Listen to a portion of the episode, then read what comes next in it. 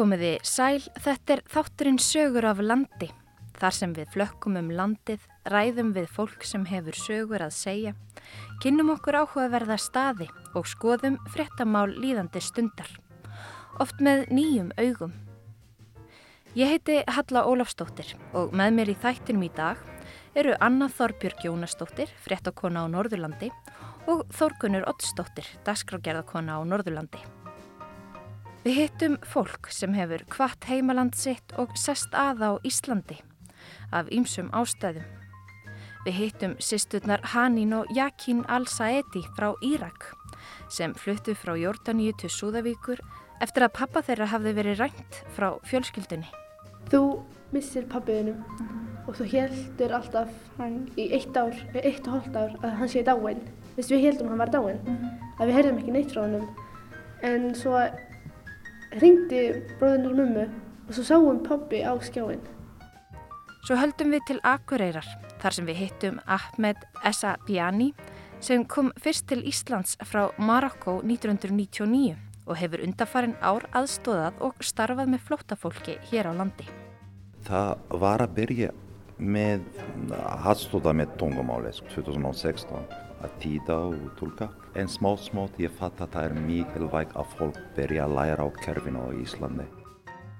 Og á lokum hittum við Natalíu Kravtsjók frá Úkrænu sem arkar á fjöll í leitað hugaró. Eftir 28 ára búsetu á Íslandi leitar hugur hennar nú heim hverja stund. Þetta er svo sárt á okkar núna tíma að gera svona hlutina. Á hverju, hvað vanda honum? Hvað vanda honum? Ha? En við byrjum á Ísafyrði. Sisturnar Hanín og Jakin komu á samt hópi flóttafólks til vestfyrða fyrir fjórum árum. Sisturnar sækja nú námi í mentaskólanum á Ísafyrði og ég kom þar við eitt setni part og við tiltum okkur niður í lausri skólastofu. Ég heiti Hanín og ég er 17 ára Já. frá Írak og ég er búin að vera á Íslandi í fjör ár.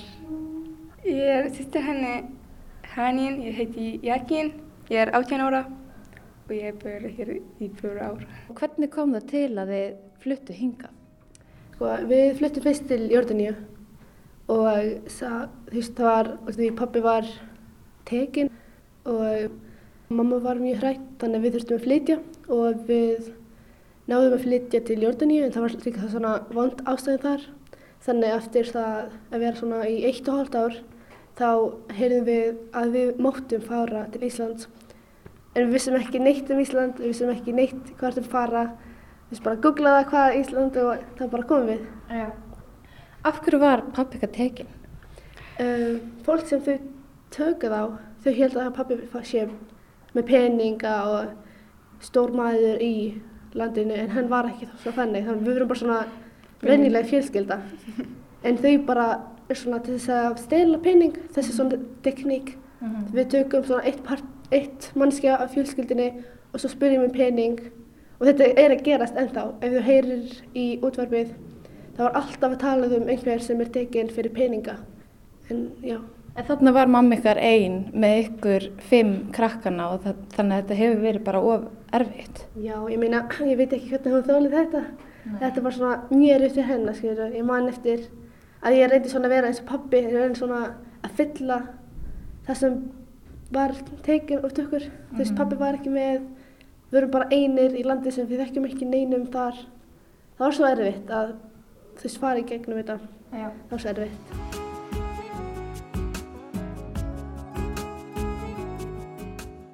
Hvernig var lífið ykkar þegar þið voru litlar? Og hvernig var lífið í Írak? Um, lífið var mjög gott. Já, mjög bara var vinnilegt þó að við verum svo í stríð og erfitt ástæðin í Írak og samt verum við gladar að vera með fjölskyldinni skeiru. Þú veist, það er bara svona af og amma og allir eru þarna.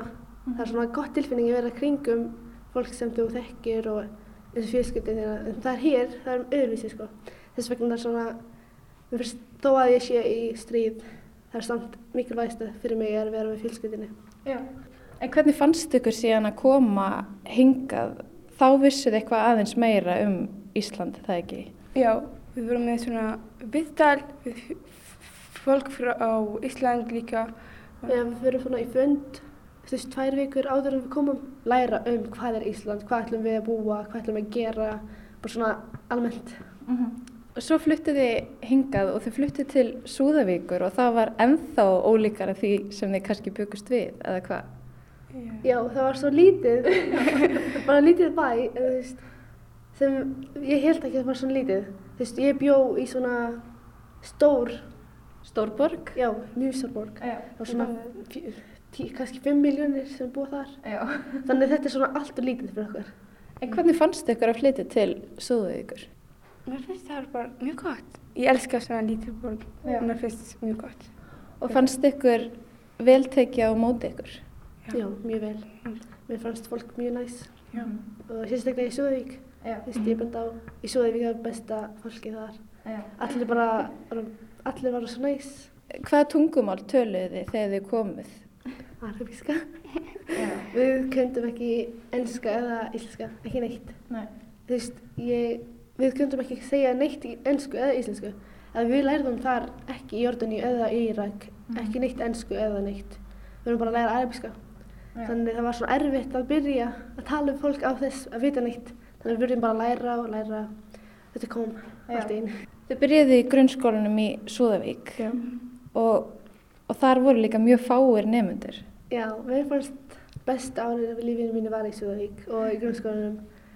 Fólk þar voru svo næs og þú veist, bestu tvö ár sem ég verið í, í, í á Íslandi. Þannig að bara mjög gaman. Bara fara svona létt, ekki svona eins og mentaskólanum, það var svo erfitt og stressandi og eitthvað allt. En samt, í, í grunnskólanum var svo næs, Já. bara cozy.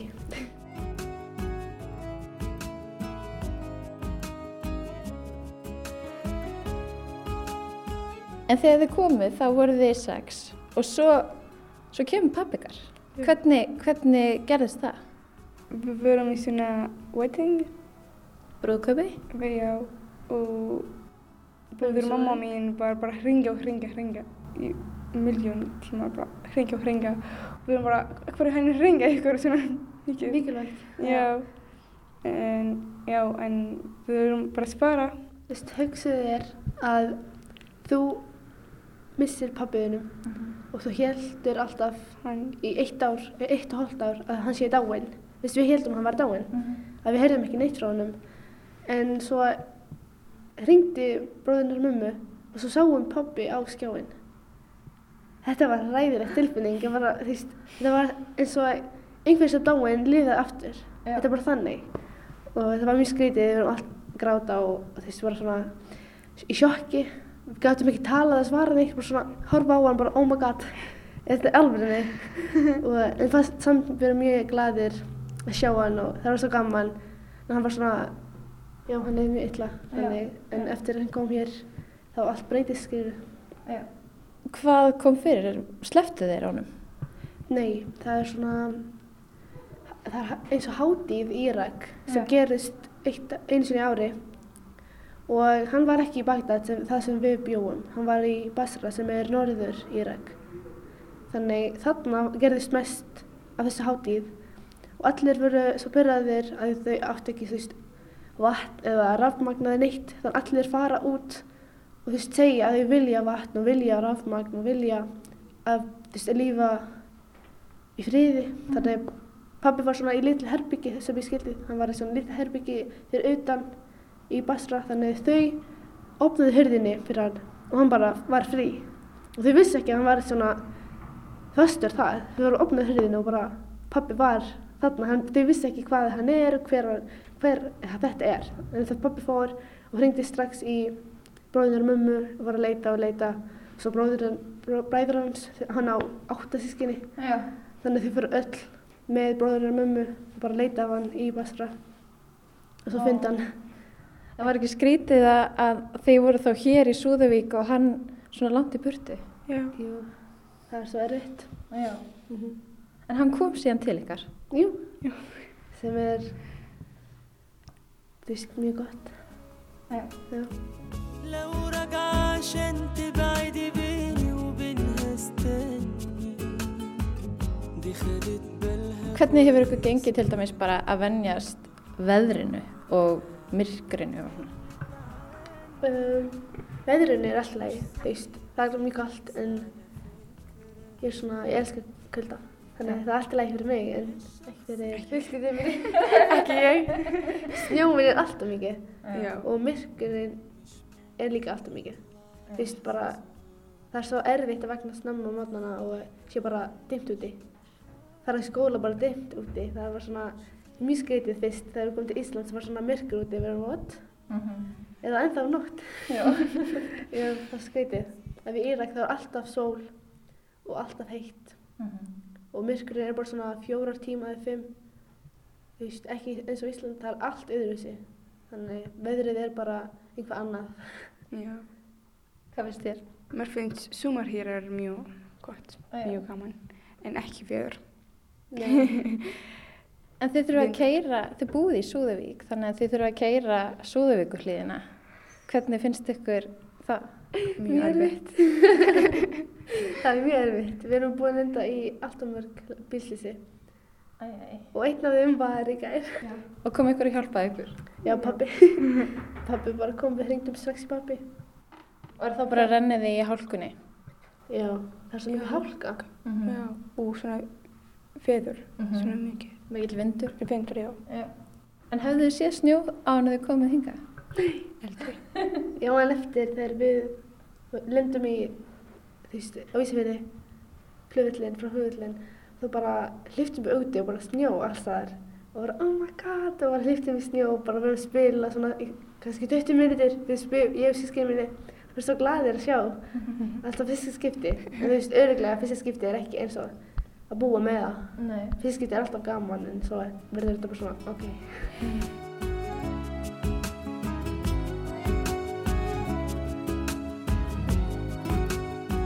Hlýtur að hafa verið smá flókið að flytja til Súðavíkur frá Írak og Jórdaníu. Hvað var svona helst svona erfitt? Helst erfitt er að vera einn. Já, ég er með fjölskyldinu minni, en við erum einn fjölskylda. Þú veist, við erum ekki með fjölskyldinu okkar, við erum ekki með am, um og afa, við erum ekki með neinum frænkaða frændi. Það er svo erfitt að vera einn í landi sem þú þekkir ekki neinum í. Og þú veist, líta, svona lítið borg, það er lítið bær. Þannig það er svo erfitt, bara, það var erfiðast að, fylg- að vera með fólki og reyna að vera svona eitt partur af allir. Erfitt að tengjast? Já, erfitt að tengjast um mitt. Það er erfitt að tengjast allir og bara, já, mér finnst það mjög erfitt. Já. En núna eru þið búin að vera í þennan tíma hérna fyrir vestan. Þá trúið margt sem samfélagi getur lært af ykkur. Hvað finnst ykkur skipta máli þegar fólk flytur nýtt inn í samfélag? Hvað hjálpar ykkur að verða hluti að samfélagi? Reyna að tala við þeim. Já, bara reyna að tala við okkur. Við, okkur líður ekki vel í skólanum, skilur eða í almennt. Við erum alltaf svona einir og það myndi vera svo gott að reyna að tala við aðra og veist, við eigum vini í Súðavík en ekki neitt á Ísafirði. Já. Finnst þið krakkanir ekki opnir? Uh, já, svolítið. Þú veist, sama hvað ég sinni, ég sinni svona að ég sé glöð og allt þannig og ég sé bara svona, ég reyni að vera jákvæð alltaf og ég reyni að vera alltaf jákvæð fólki og allir og segja bara að sé allt að genga vel og skjöru en samt er það partur sem enginn kannski hefur heyrt um eða veit um og það er bara að það sé fordómar og það sé bara fólk sem er ókværdís og ég hef lendið í því mörgsinnum sko í vinnunni eða veist, í skólanum, hvað sem er. Og það er svo margir sem segja mér verður þakklátt, þú ert á Íslandi þú veist, aðrir myndu vilja vera það sem þú ert. Já, ég er þakklátt og þú veist, ég er stolt af það sem ég gerði og ég er búin að gera. En samt allir eigi tilfinningar og samt sama hvað þú ert, sama hvert þú ert, sama hvert þú ferð það er alltaf vond fólk og gott fólk. Og já, bara mér liðir vel og ekki vel á saman tíma en þú veist, þetta mun, mun ekki svona þetta hefur ekki mikil áhrif á mig en samt er það ekki gott að díla við það á hverjum, veist, á, í lífinu eða í daglega, skilur. En Hvernig finnst þér, hvernig byrtist ókurteisin og fordóminir? Hvernig, hvernig byrtist það þér? Það er ekki allir svona vinilegir við okkur og það er kannski ekki allir líka við okkur skilur og ég skil það en þá allir að sína kurtisi og til dæmis í vinnunni til dæmis ef ég kann ekki gera eitthvað til dæmis á gassa ég vinni netto ef ég myndi til dæmis þur- þurfa hjálp þá kom eitt stelpa til mín og ég þú veist dinglaði því þessu hjálp og hún kom til mín og var svo pyrruð að ég kundi ekki gera þetta. Og svona, þetta er ekkert erfitt bara var svo pyrruð skilur og ég var svona, hvað gerði ég veitlist en þú veist, þau skilji ekki að þetta sé erfitt fyrir okkur að læra. Þetta er ekki okkur uh, tungumál, þetta er ekki okkur land. Þetta er ekki eitthvað sem við hefum gert áður. Þannig þau kannski, að þau hefur þau búa hér og þau, þau eru að, aðlist hér á Íslandi. Þess vegna er þetta svona venjulegt fyrir þá. En ekki sama við okkur skilur. Skipti ekki máli hver ertu eða hvar eða hvað trú- trúið þú bara skipti ekki máli. Þú þarf að vera svona góð með eðra að við all- alltaf svona góð með eðra og tala við þeim og reyna að vera svona vinnir en þau kannski skilja, skilja ekki hvernig við erum að hugsa eða við erum ekki skilja ekki neitt hvernig þau hugsa til dæmis. En kannski þetta er eitt sem er erfitt en ekki alltaf, ekki allir. Já, mér finnst mjög góð fólk hér á Íslandi nema svona kannski krakkar sem er svona sex- 16 eða 15 eða 19 eitthvað svo leys og unglingar. Ólingar, já.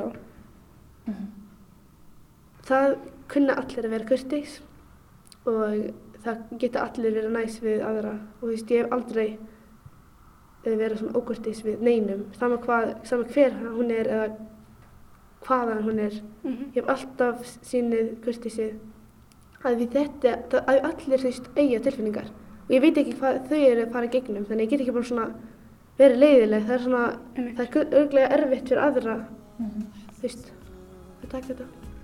في واحدة معايا مش متحير مش خايف جنبها من hvað sjáu þið fyrir ykkur með framtíðina hér og Súðavík og, og hvað langar ykkur að gera? Fyrsta sem ég ætla að gera er í byrtu. Kannski Nei. ekki strax. Jú, þú veist, fyrir háskóla þá maður í byrtu skeiðu. Já. En já, mér langar að vera lækni og örglega, þú veist, ég ætla að reyna mitt besta að vera lækni. Að því mér langar svo að læra læknifræði. Við ekki, veit ekki. Ég er búin ekki nákvæm. Hvað finnst þið skemmtilegt í, í skólanum? Um, ég veit ekki, kannski efnafræði. Mm Mér finnst mjög gaman að gera, er að leira efnafræði. Já. Já. Það er gott að vita hvað þú vilt vera. Mhm. til dæmis framtíðinni. Þá ertu ekki að hugsa hvað þú vilt vera þú, þú, þú veist bara hvað þú, þú vilt í lífinu. Mér finnst það gott að vita. Já, kannski bara svona búa aðeins þú veist, lengra í- á Íslandi. Þú veist, bara kannski klára háskóla og svo flytja. Þú veist, ég ætla ekki að vera hér eftir háskóla. Sorry. Ég vil bara strax flytja í byrti Hvert langaði að flytja? Mér langar að flytja á Tyrklandi eða Dubai, þú veist, örglega Tyrklandi. En mér langar ekki að vera hér, það er svo kallt. Veist, það er svo erfitt veður að búa með. Mér finnst gott að vera hér í Íslandi. Rólegt og ekki mikið fólk og svona. Ég elskar svona lífið. Já. Bara alveg á Ekki eins og hann er bara alltaf ekki- alltaf eitthvað að gera. Já, ég elskar að vera svona cozy, ekki gera neitt mikið. Þannig við erum ekki svona manneski, sko. Takk kærlega fyrir spjallið. Takk takk fyrir að hitta mig hér. Takk sem leiðist, fyrir okkur. Takk fyrir að hlusta. Takk.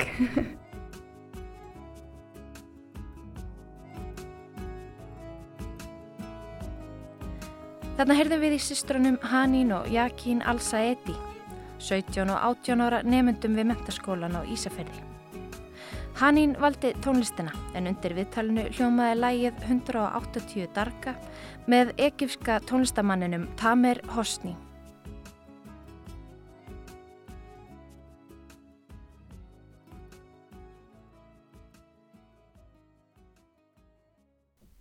En frá Ísafyrði höldum við norðu til Akureyrar.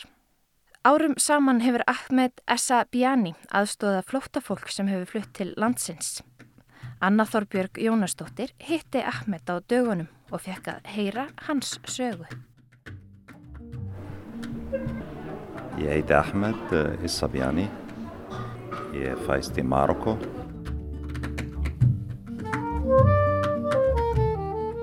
Hvernig komstu til Íslands? Fyrsta skiptið það var uh, árið 99, 1999. Við komum henni heimsókn en fyrverandi tindapappa minn var lasin, var veikur og við komum henni í heimsókn. Og hvernig leist þér á Ísland svona fyrstu kynni? Ég var fyrsta skipti að koma til Ísland og var sömar og við komum hérna frá Fraklandi til Reykjavík, Keflavík. Þá kom maður til landsins og var að býða eftir myrkur sem kom aldrei. Eftir tvö daga þá ég fatt að það er aldrei myrkur yfir sömur á Íslandi. En það sem var mjög sérstakt um Reykjavík í sínu tíma, það var mjög hrein og rólegt og falleg borg sko hann. Ég hann var strax ásfóngin hann í Reykjavík. Það var mjög flott borg sko, fyrir maður sem var að ferðast hann í, í kringum heim. Sko. Það var mjög flott.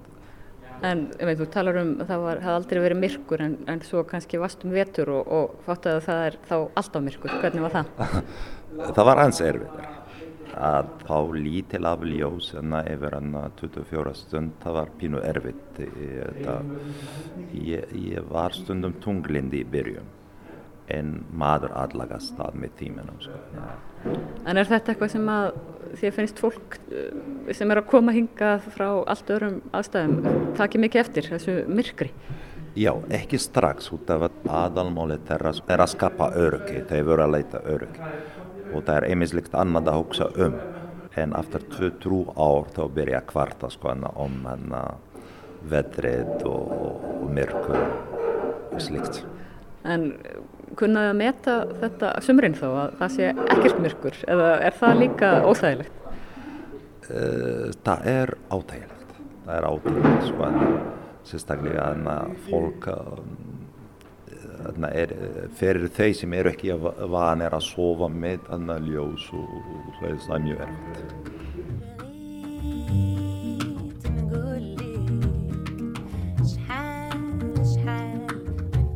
Af hverju fóstu í burtu frá Marokko? Það er tvens. Fyrst hérna ég vil menta þig hérna í útlanda og það var líka annars sko hérna ástand í Marokko í sínu tíma var ekki það gott fyrir fólk sem er að hugsa kannski um breytingar og meira frelsi og meira réttandi. Ég var þann maður sko, ég var ekki sátur við hvað var í gangi í mína samfélag og það var alltaf áhætta sko að lenda eitthvað vandræði með þarna ríkið í sínu tíma. Og vilti líka sko að sjá hvað er hvað er að gera þarna með við sjóin sko.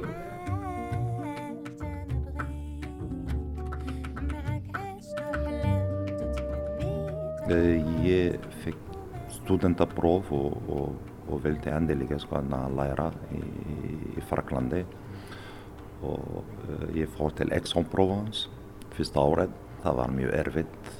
Ég átti lítil pening og fjölskyldan geti ekki að hjálpa mig.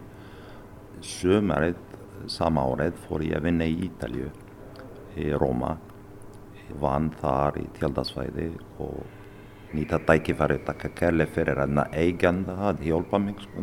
Var að skrá mig í La Sapienza í Róm skipti bara háskólanum og, og það var anstæðilegt. Þannig að ég var með vinnu og, og var á sama tíma að læra.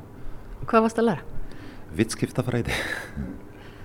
Vittskiptafræði, ég er vittskiptafræðingur, sko, mentalt vittskiptafræðingur. Mm. Þannig að þú varst í Ítalju og hvað svo? Já, ég var ungur.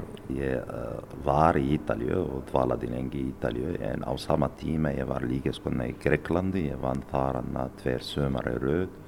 Ég var nokkar mánuð í Tískalandi. Ég var í Bandaríkjunum.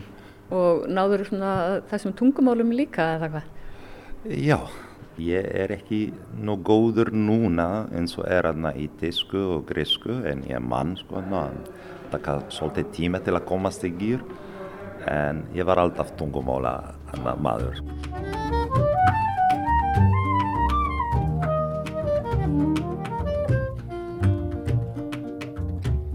Og ertu í góðan tengslum ennþá samt við Marokko eða áttu fjölskyldu þar? Já, já, já, ég er hann mjög góðan tengslu við landið hann er heil. Mamma er ennþá þar og, og, og, og sískinni mínar hann.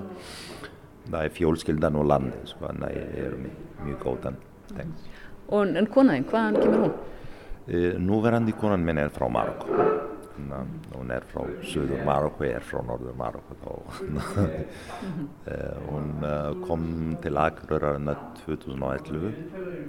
Hún er að vinna í brekkuskóla og það var mjög erfitt fyrir hann að aðlagast strax. Það var beint frá Marokko til Ísland. Fyrir mig var ekki það erfitt út af ég að vera í öðrum stöðum sko á. Já, þú fekk svona smá aðlögunar tíma. Já.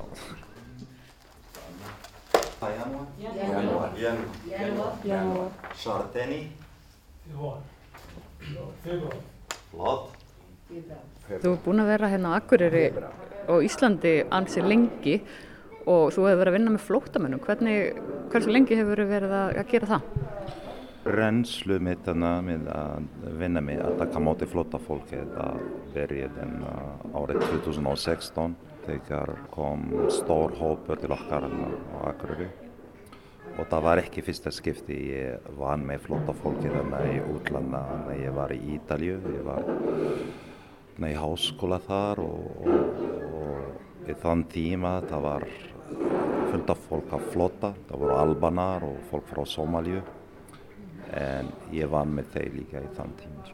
En þú ert ekki bara aðstofa flottamenn á Akureyri, þú ert bara allir Norðurlandi, er það ekki? Þekkjur alla flottamenn sem að koma til Norður Íslands?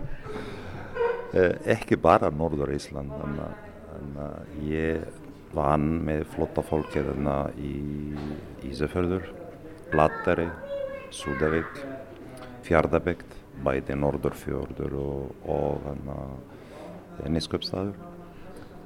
Akureyri og Blóndós. En hvert er svona þitt hlutverk við að aðstofa flottamenn sem að koma hinga til Íslands? Hvað gerir þau til að aðstofa þau? Það var að byrja með aðstofa með tungumáli 2016 og maður átti að vera bara hlut af tími sko að hjálpa þau sko að týta og tólka. En smátt smátt ég fatt að það er mikilvægt að fólk byrja að læra á kerfinu á Íslandi. En þá er líklega mjög gott að, að kunna þess íslensku, eða hvað? Já, það er mikilvægt að kunna íslensku. Stundum sko hana, við, við veitum hana að það er alltaf hana ennsku og bólsku hana í, í fleiri hana heimasítu hjá stofnunar. En málið er fara ekki lengra sko, það er bara almennt upplýsingar og ekki meira þá er mikilvægt að kunna íslensku. Og þú ert að kenna íslensku og, og hvernig gengur að, að kenna útlendingum íslensku? Já, ég sjálfur sko að ég var aldrei í, í, í íslensku námskeið á Íslandi. Þú kallar það sjálfsmyndað í þann mál. Það sem við erum að gera sko að við erum ekki með akademiski námskeið á Íslandi það sem við erum að gera núna er að reyna að læra saman sko, mest algengsetningar sem eru notað daglega og reyna að fara aðeins yfir þarna stafordið. Það finnst sko að við erum oft á Íslandi að byrja strax með málfræði og, og þú veist að beigja og hitt og annað er mjög erfitt ég tekki fullt af fólkið sem eru menta þarna lagnar og, og slik sem voru að byrja námskeið og hætta bara. Mm -hmm. það, það var mjög erfitt fyrir þeir að fylgjast með. Ég veit sko að núna uh, símei og, og öðrum eru að reyna fyrst finna besta leið sko að til að kenna íslensku. Ég veit að eru að vinna í tví. Mars. Mars. Mars. Jóni. Fólk sem er að, eru að koma hérna frá Nordur Afríku til konna latinustafir og kannski það er einfaldara fyrir þeir sko, hérna. en fyrir fólk sem eru að koma frá Midjúusturs er lítil að nota af ennskuð og franskuð þar þá eh, það er byrja frá upphafi sko, hérna. það er mjög erfitt og taka mjög longan tíma. Þetta eru mjög ólík tungumál, líklega íslenska og arabíska. Það er ekkert mikið samveilegt eða hvað? Já, ég er samála. Það er mjög, mjög álíkt. Sko. En það hafa verið að koma svolítið mikið af arabísku mælandi fólki hérna til Akureyrar.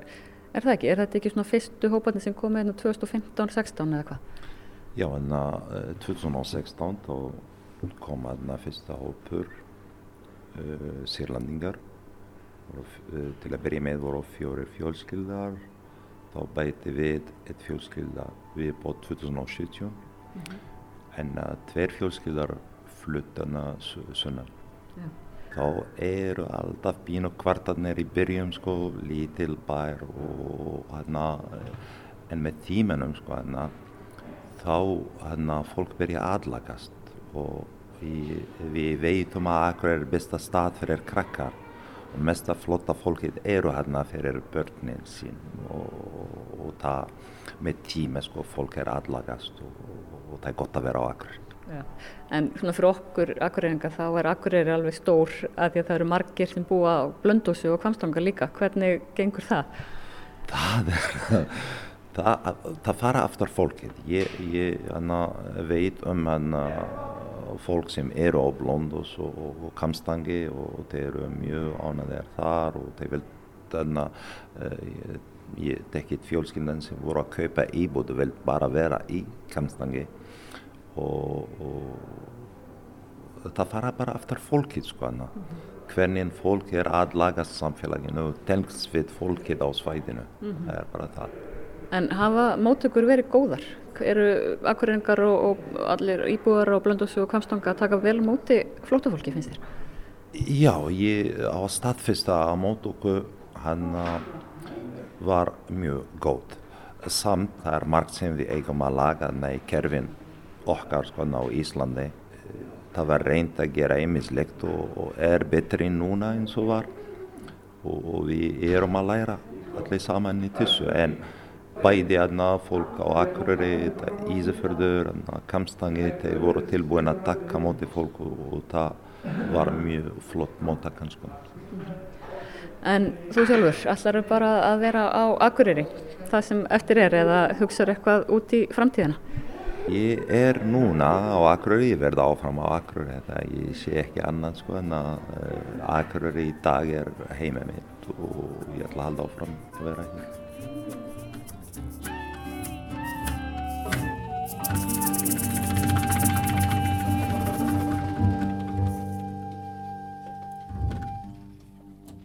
Anna Þorbjörg Jónastóttir rætti við Ahmed Essa Bjani og við höldum okkur á Akureyri.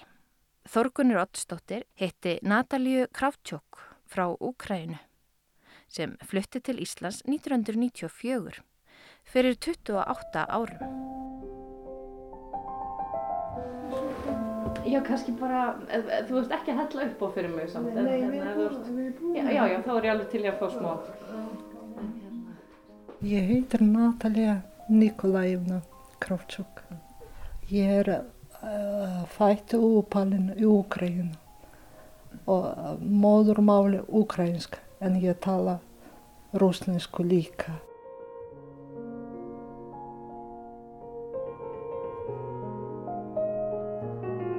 Getur þú sagt mér aðeins svona frá hvar þú ólst upp og svona hvernig æskan þín var? Það var Úkrænu. Það var fyrst ég hérna, fætt í uh, Luhansk heraði. Rétt við Luhansk er til svona brjanka.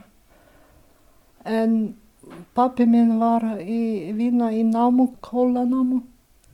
Svo eftir að það var, ég fæðist og það var óbúslega erfitt að ná húsnæði til leið og svona. Og pappi og mamma snúa aftur í sveit vestan Úgræinu, Hmelnitsk herði. Og þar ég fór í grunnskóla og, alast upp þar. Og, og var, það, var það góður tími? Það var óbúslega erfitt. Ekki svona allt til. Við þarf mikið vinna fyrir heimili og við krakkar í sveitinni mikið hjálpa foreldrum. Foreldra var í vinnunni en yfir sumatíma það þarf ég týna ítgressi í kartuplugarði og hjálpa til, passa gæsina og við á eina kú, það þarf líka að týna eitthvað græs fyrir hana og Þannig að það hefur verið, já þegar við þurftum að vinna mikið og hafa svona Já, fyrir við hlutunum. var, við var krakkar óbúslega mikið hjálpa foreldrum, ekki bara leika sér eitthvað. Jú, ég einu sinni glimti mér og geysina, geysina fór í nágranna garð og nágranna var eh, koma og saði pappu frá og pappi var óbúslega reyður. En við var krakkar, stundum var jú, auðvitað langa að leika sér. En við óbúslega mikið hjálpa fyrir fjóruldrum.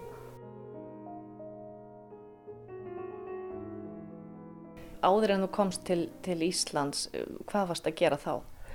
Ég var að vinna mörgum stöðum. En síðast ég vann í leikskólanum og ég er í Ísastóra leikskóla og ég var að sá um fastegna. Ég vann líka í Já.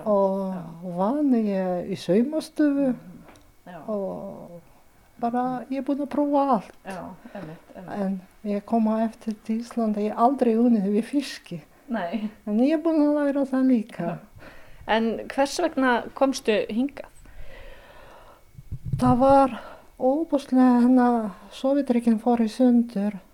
Það var óbúslega mikið verðbólka og ég einsta móður með tvo börn. Ég var upplifa skamtamiðar, tóma búðir og stundum er að lappa heim úr vinnunni. Ég var alltaf að hugsa hvað ég gefa. Börnum með borða í kvöld.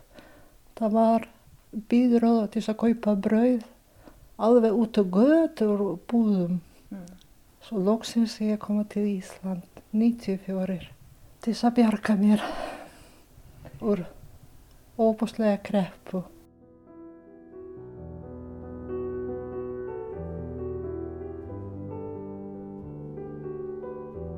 Frendi minn, hann var hérna á Íslandi. Hann hjálpa, hjálpa mér að fá atvinnuleifa og dvalarleifi.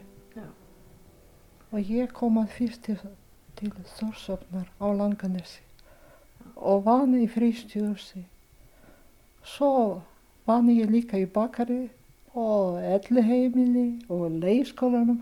Stundum ég vann í fristjúsi 12 tíma vakt og hlaupa skúra leikskóla eftir. Já. Það vantar fólk í fristjúsi út á að koma loðna en síld. Þú get ekki segja nei. En, en það hefur verið meira en að segja það samt að rífa sig af stað með, með tvö börn og, og koma í nýtt land þar sem þú þekkir engan og hefur aldrei komið áður. Jú, þetta var óbúslega erfitt og eins og mamma var á móti hvað þú fara, þetta er svo land frá og, og lítið börn. En ég fyrst koma einn og ég vann bara í vinnunni eitt ár og svo fór ég heim 95 um sumari og koma tilbaka með yngsta sonur minn. Svo fór ég af þessi ári fyrir áramót um jólinn og ná eldri strákin. Og hann koma til Ísland og hann fór vinna með mér í fristjósi. En ég bara, ég er heppin núna, ég hugsa tilbaka hvernig rétt ákveðu ég tók sjálf. Og það var, jú, fyrst það var óbúslega erfitt en eftir þú nátt byrja að tala íslensku og get bjarga sér. Svo kynast ég með góða manni, svo misti konuna sína og krabba og strákinn sín líka og krabba. Hann mikið hjálpa mér læra og tala íslensku en því miður ég misti hann 2011 og krabba líka.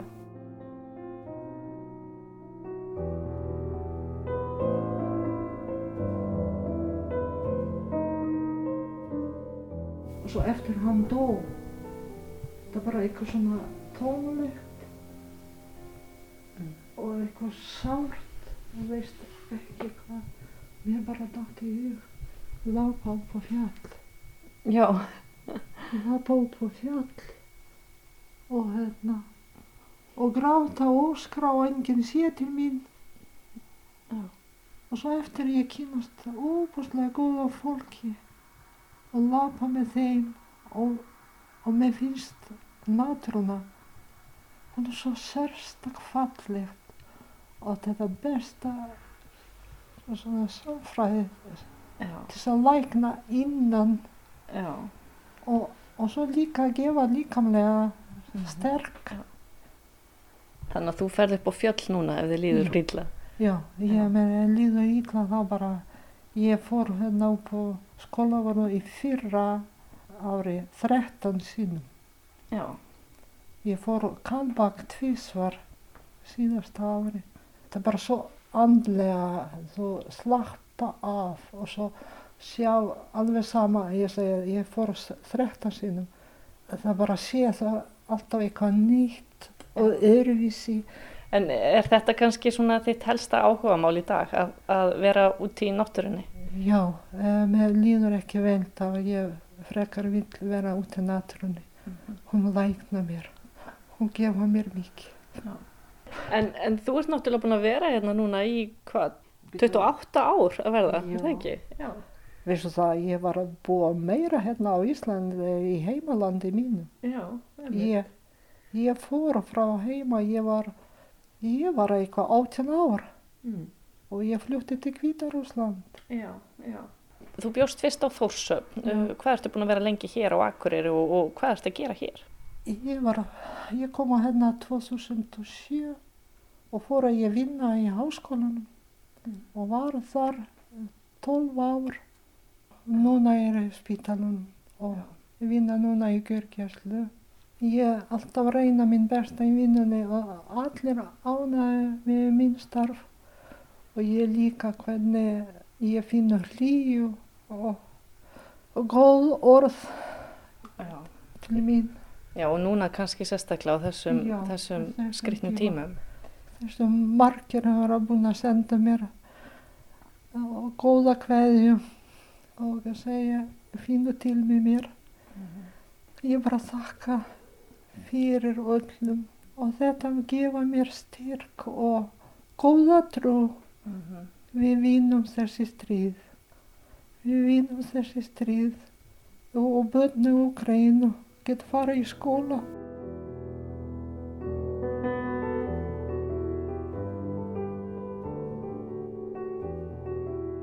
Sko þetta átti sér náttúrulega einhvern aðdraðanda og þú hefur vantalega, já, fylgist alltaf vantalega með fréttum frá þínu heimalandi og svona. Hvernig, svona, hvernig leið þér þegar þú bara áttaðir á því að þetta væri í alvörinni að, að gerast, að það væri bara brostið á stríð í Ukrænu? Þetta er svo sárt á okkar núna tíma að gera svona hlutina.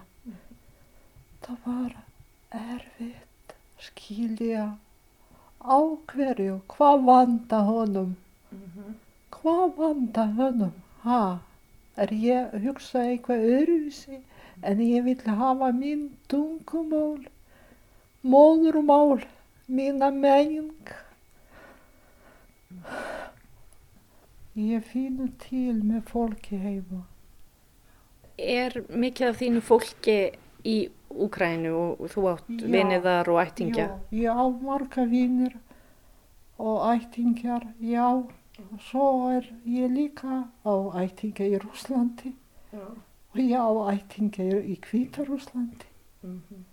Þau á óbúslega erfitt og en þau ekki langt síðan ná í samband ein vinkonu í Kíu.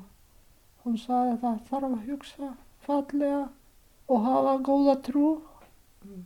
Við sýrum þetta, við sýrum þetta, en auðvitað óbúslega margir deyja og við þarf ekki gleyma þetta. Okkur deg, deg, saklaus fólk börn og gamla fólki, hvernig upplifun þar fyrir þau. Mhm. Svo kannski get ekki fara neitt. Ha, fimm dag, ég var að get ekki sofið. Ég var að vakna svona klukkutíma, tvo tíma fresti og alltaf hugan minn alltaf heima. En finnst þér þá að þú hafi fengið svona, já, stuðning frá fólki hér, að Já. fólk svona hugsi Já. til því núna á þessum tímum? Já, já, ég mikið, ég fann mikið stuðning. Þau bara allir óbúslega góðir núna við mig í vinnunni. En stundum með langa bara í augnabliki eitthvað svona gleyma og fara upp á fjall. Það er svona að gera eitthvað annar. Mhm. Og, og ertu búin að reyna það? Jú, jú, ég fór í gær. Það var svolítið var að kvast uppi. En ég á góða brotta og exi við sér og allt í það. Og leiðir aðeins betur á eftir? Já, ég kom alveg oh, í svona anis og svo eftir ég satt horfa fréttina Já. og anskona fréttina Já. það er það var sárt aftur byrja og, Mhm. og hérna og get ekki það er bara erfitt ef þú sitja og horfa og svo hvað ég get gert Nei, einmitt. ég kannski fara að morgun í Rauðakrossinu og segja þeim að vera eitthvað ókrænum en að koma hérna, ég get verið að tólka og hjálpa. Mhm. En ég því miður, ég, húsnæði ég mér ekki svo stort. Takk á móti. En, en þú myndir gert vilja hjálpa eitthvað til ef að Já, það koma já. til dæmis úkrænumenn hingað? Jú, jú, það var að samsagt. Já, já. Ég er alltaf til. Mhm. Ég er að reyna alltaf hjálpa til.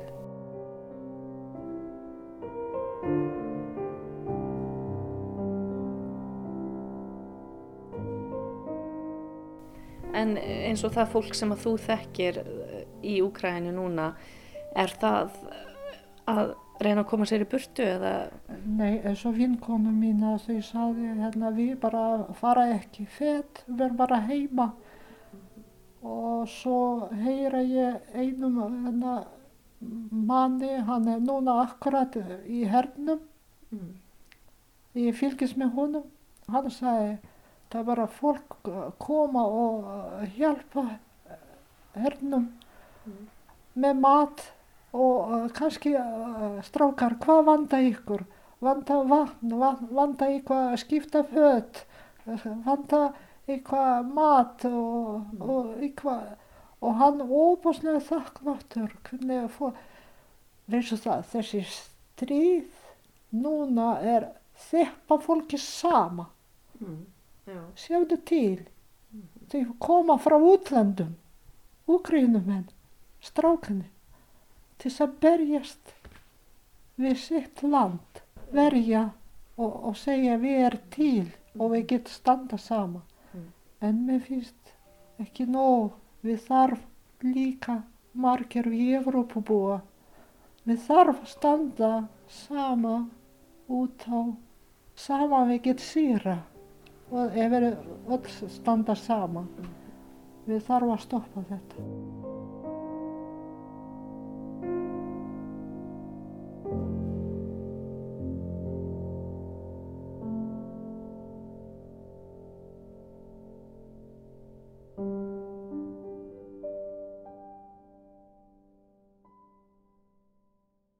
Þorgunur Oddsdóttir rætti við Natalíu Krautjók sem sagði frá uppvexti sínum í Úkrænu og lífinu á Íslandi.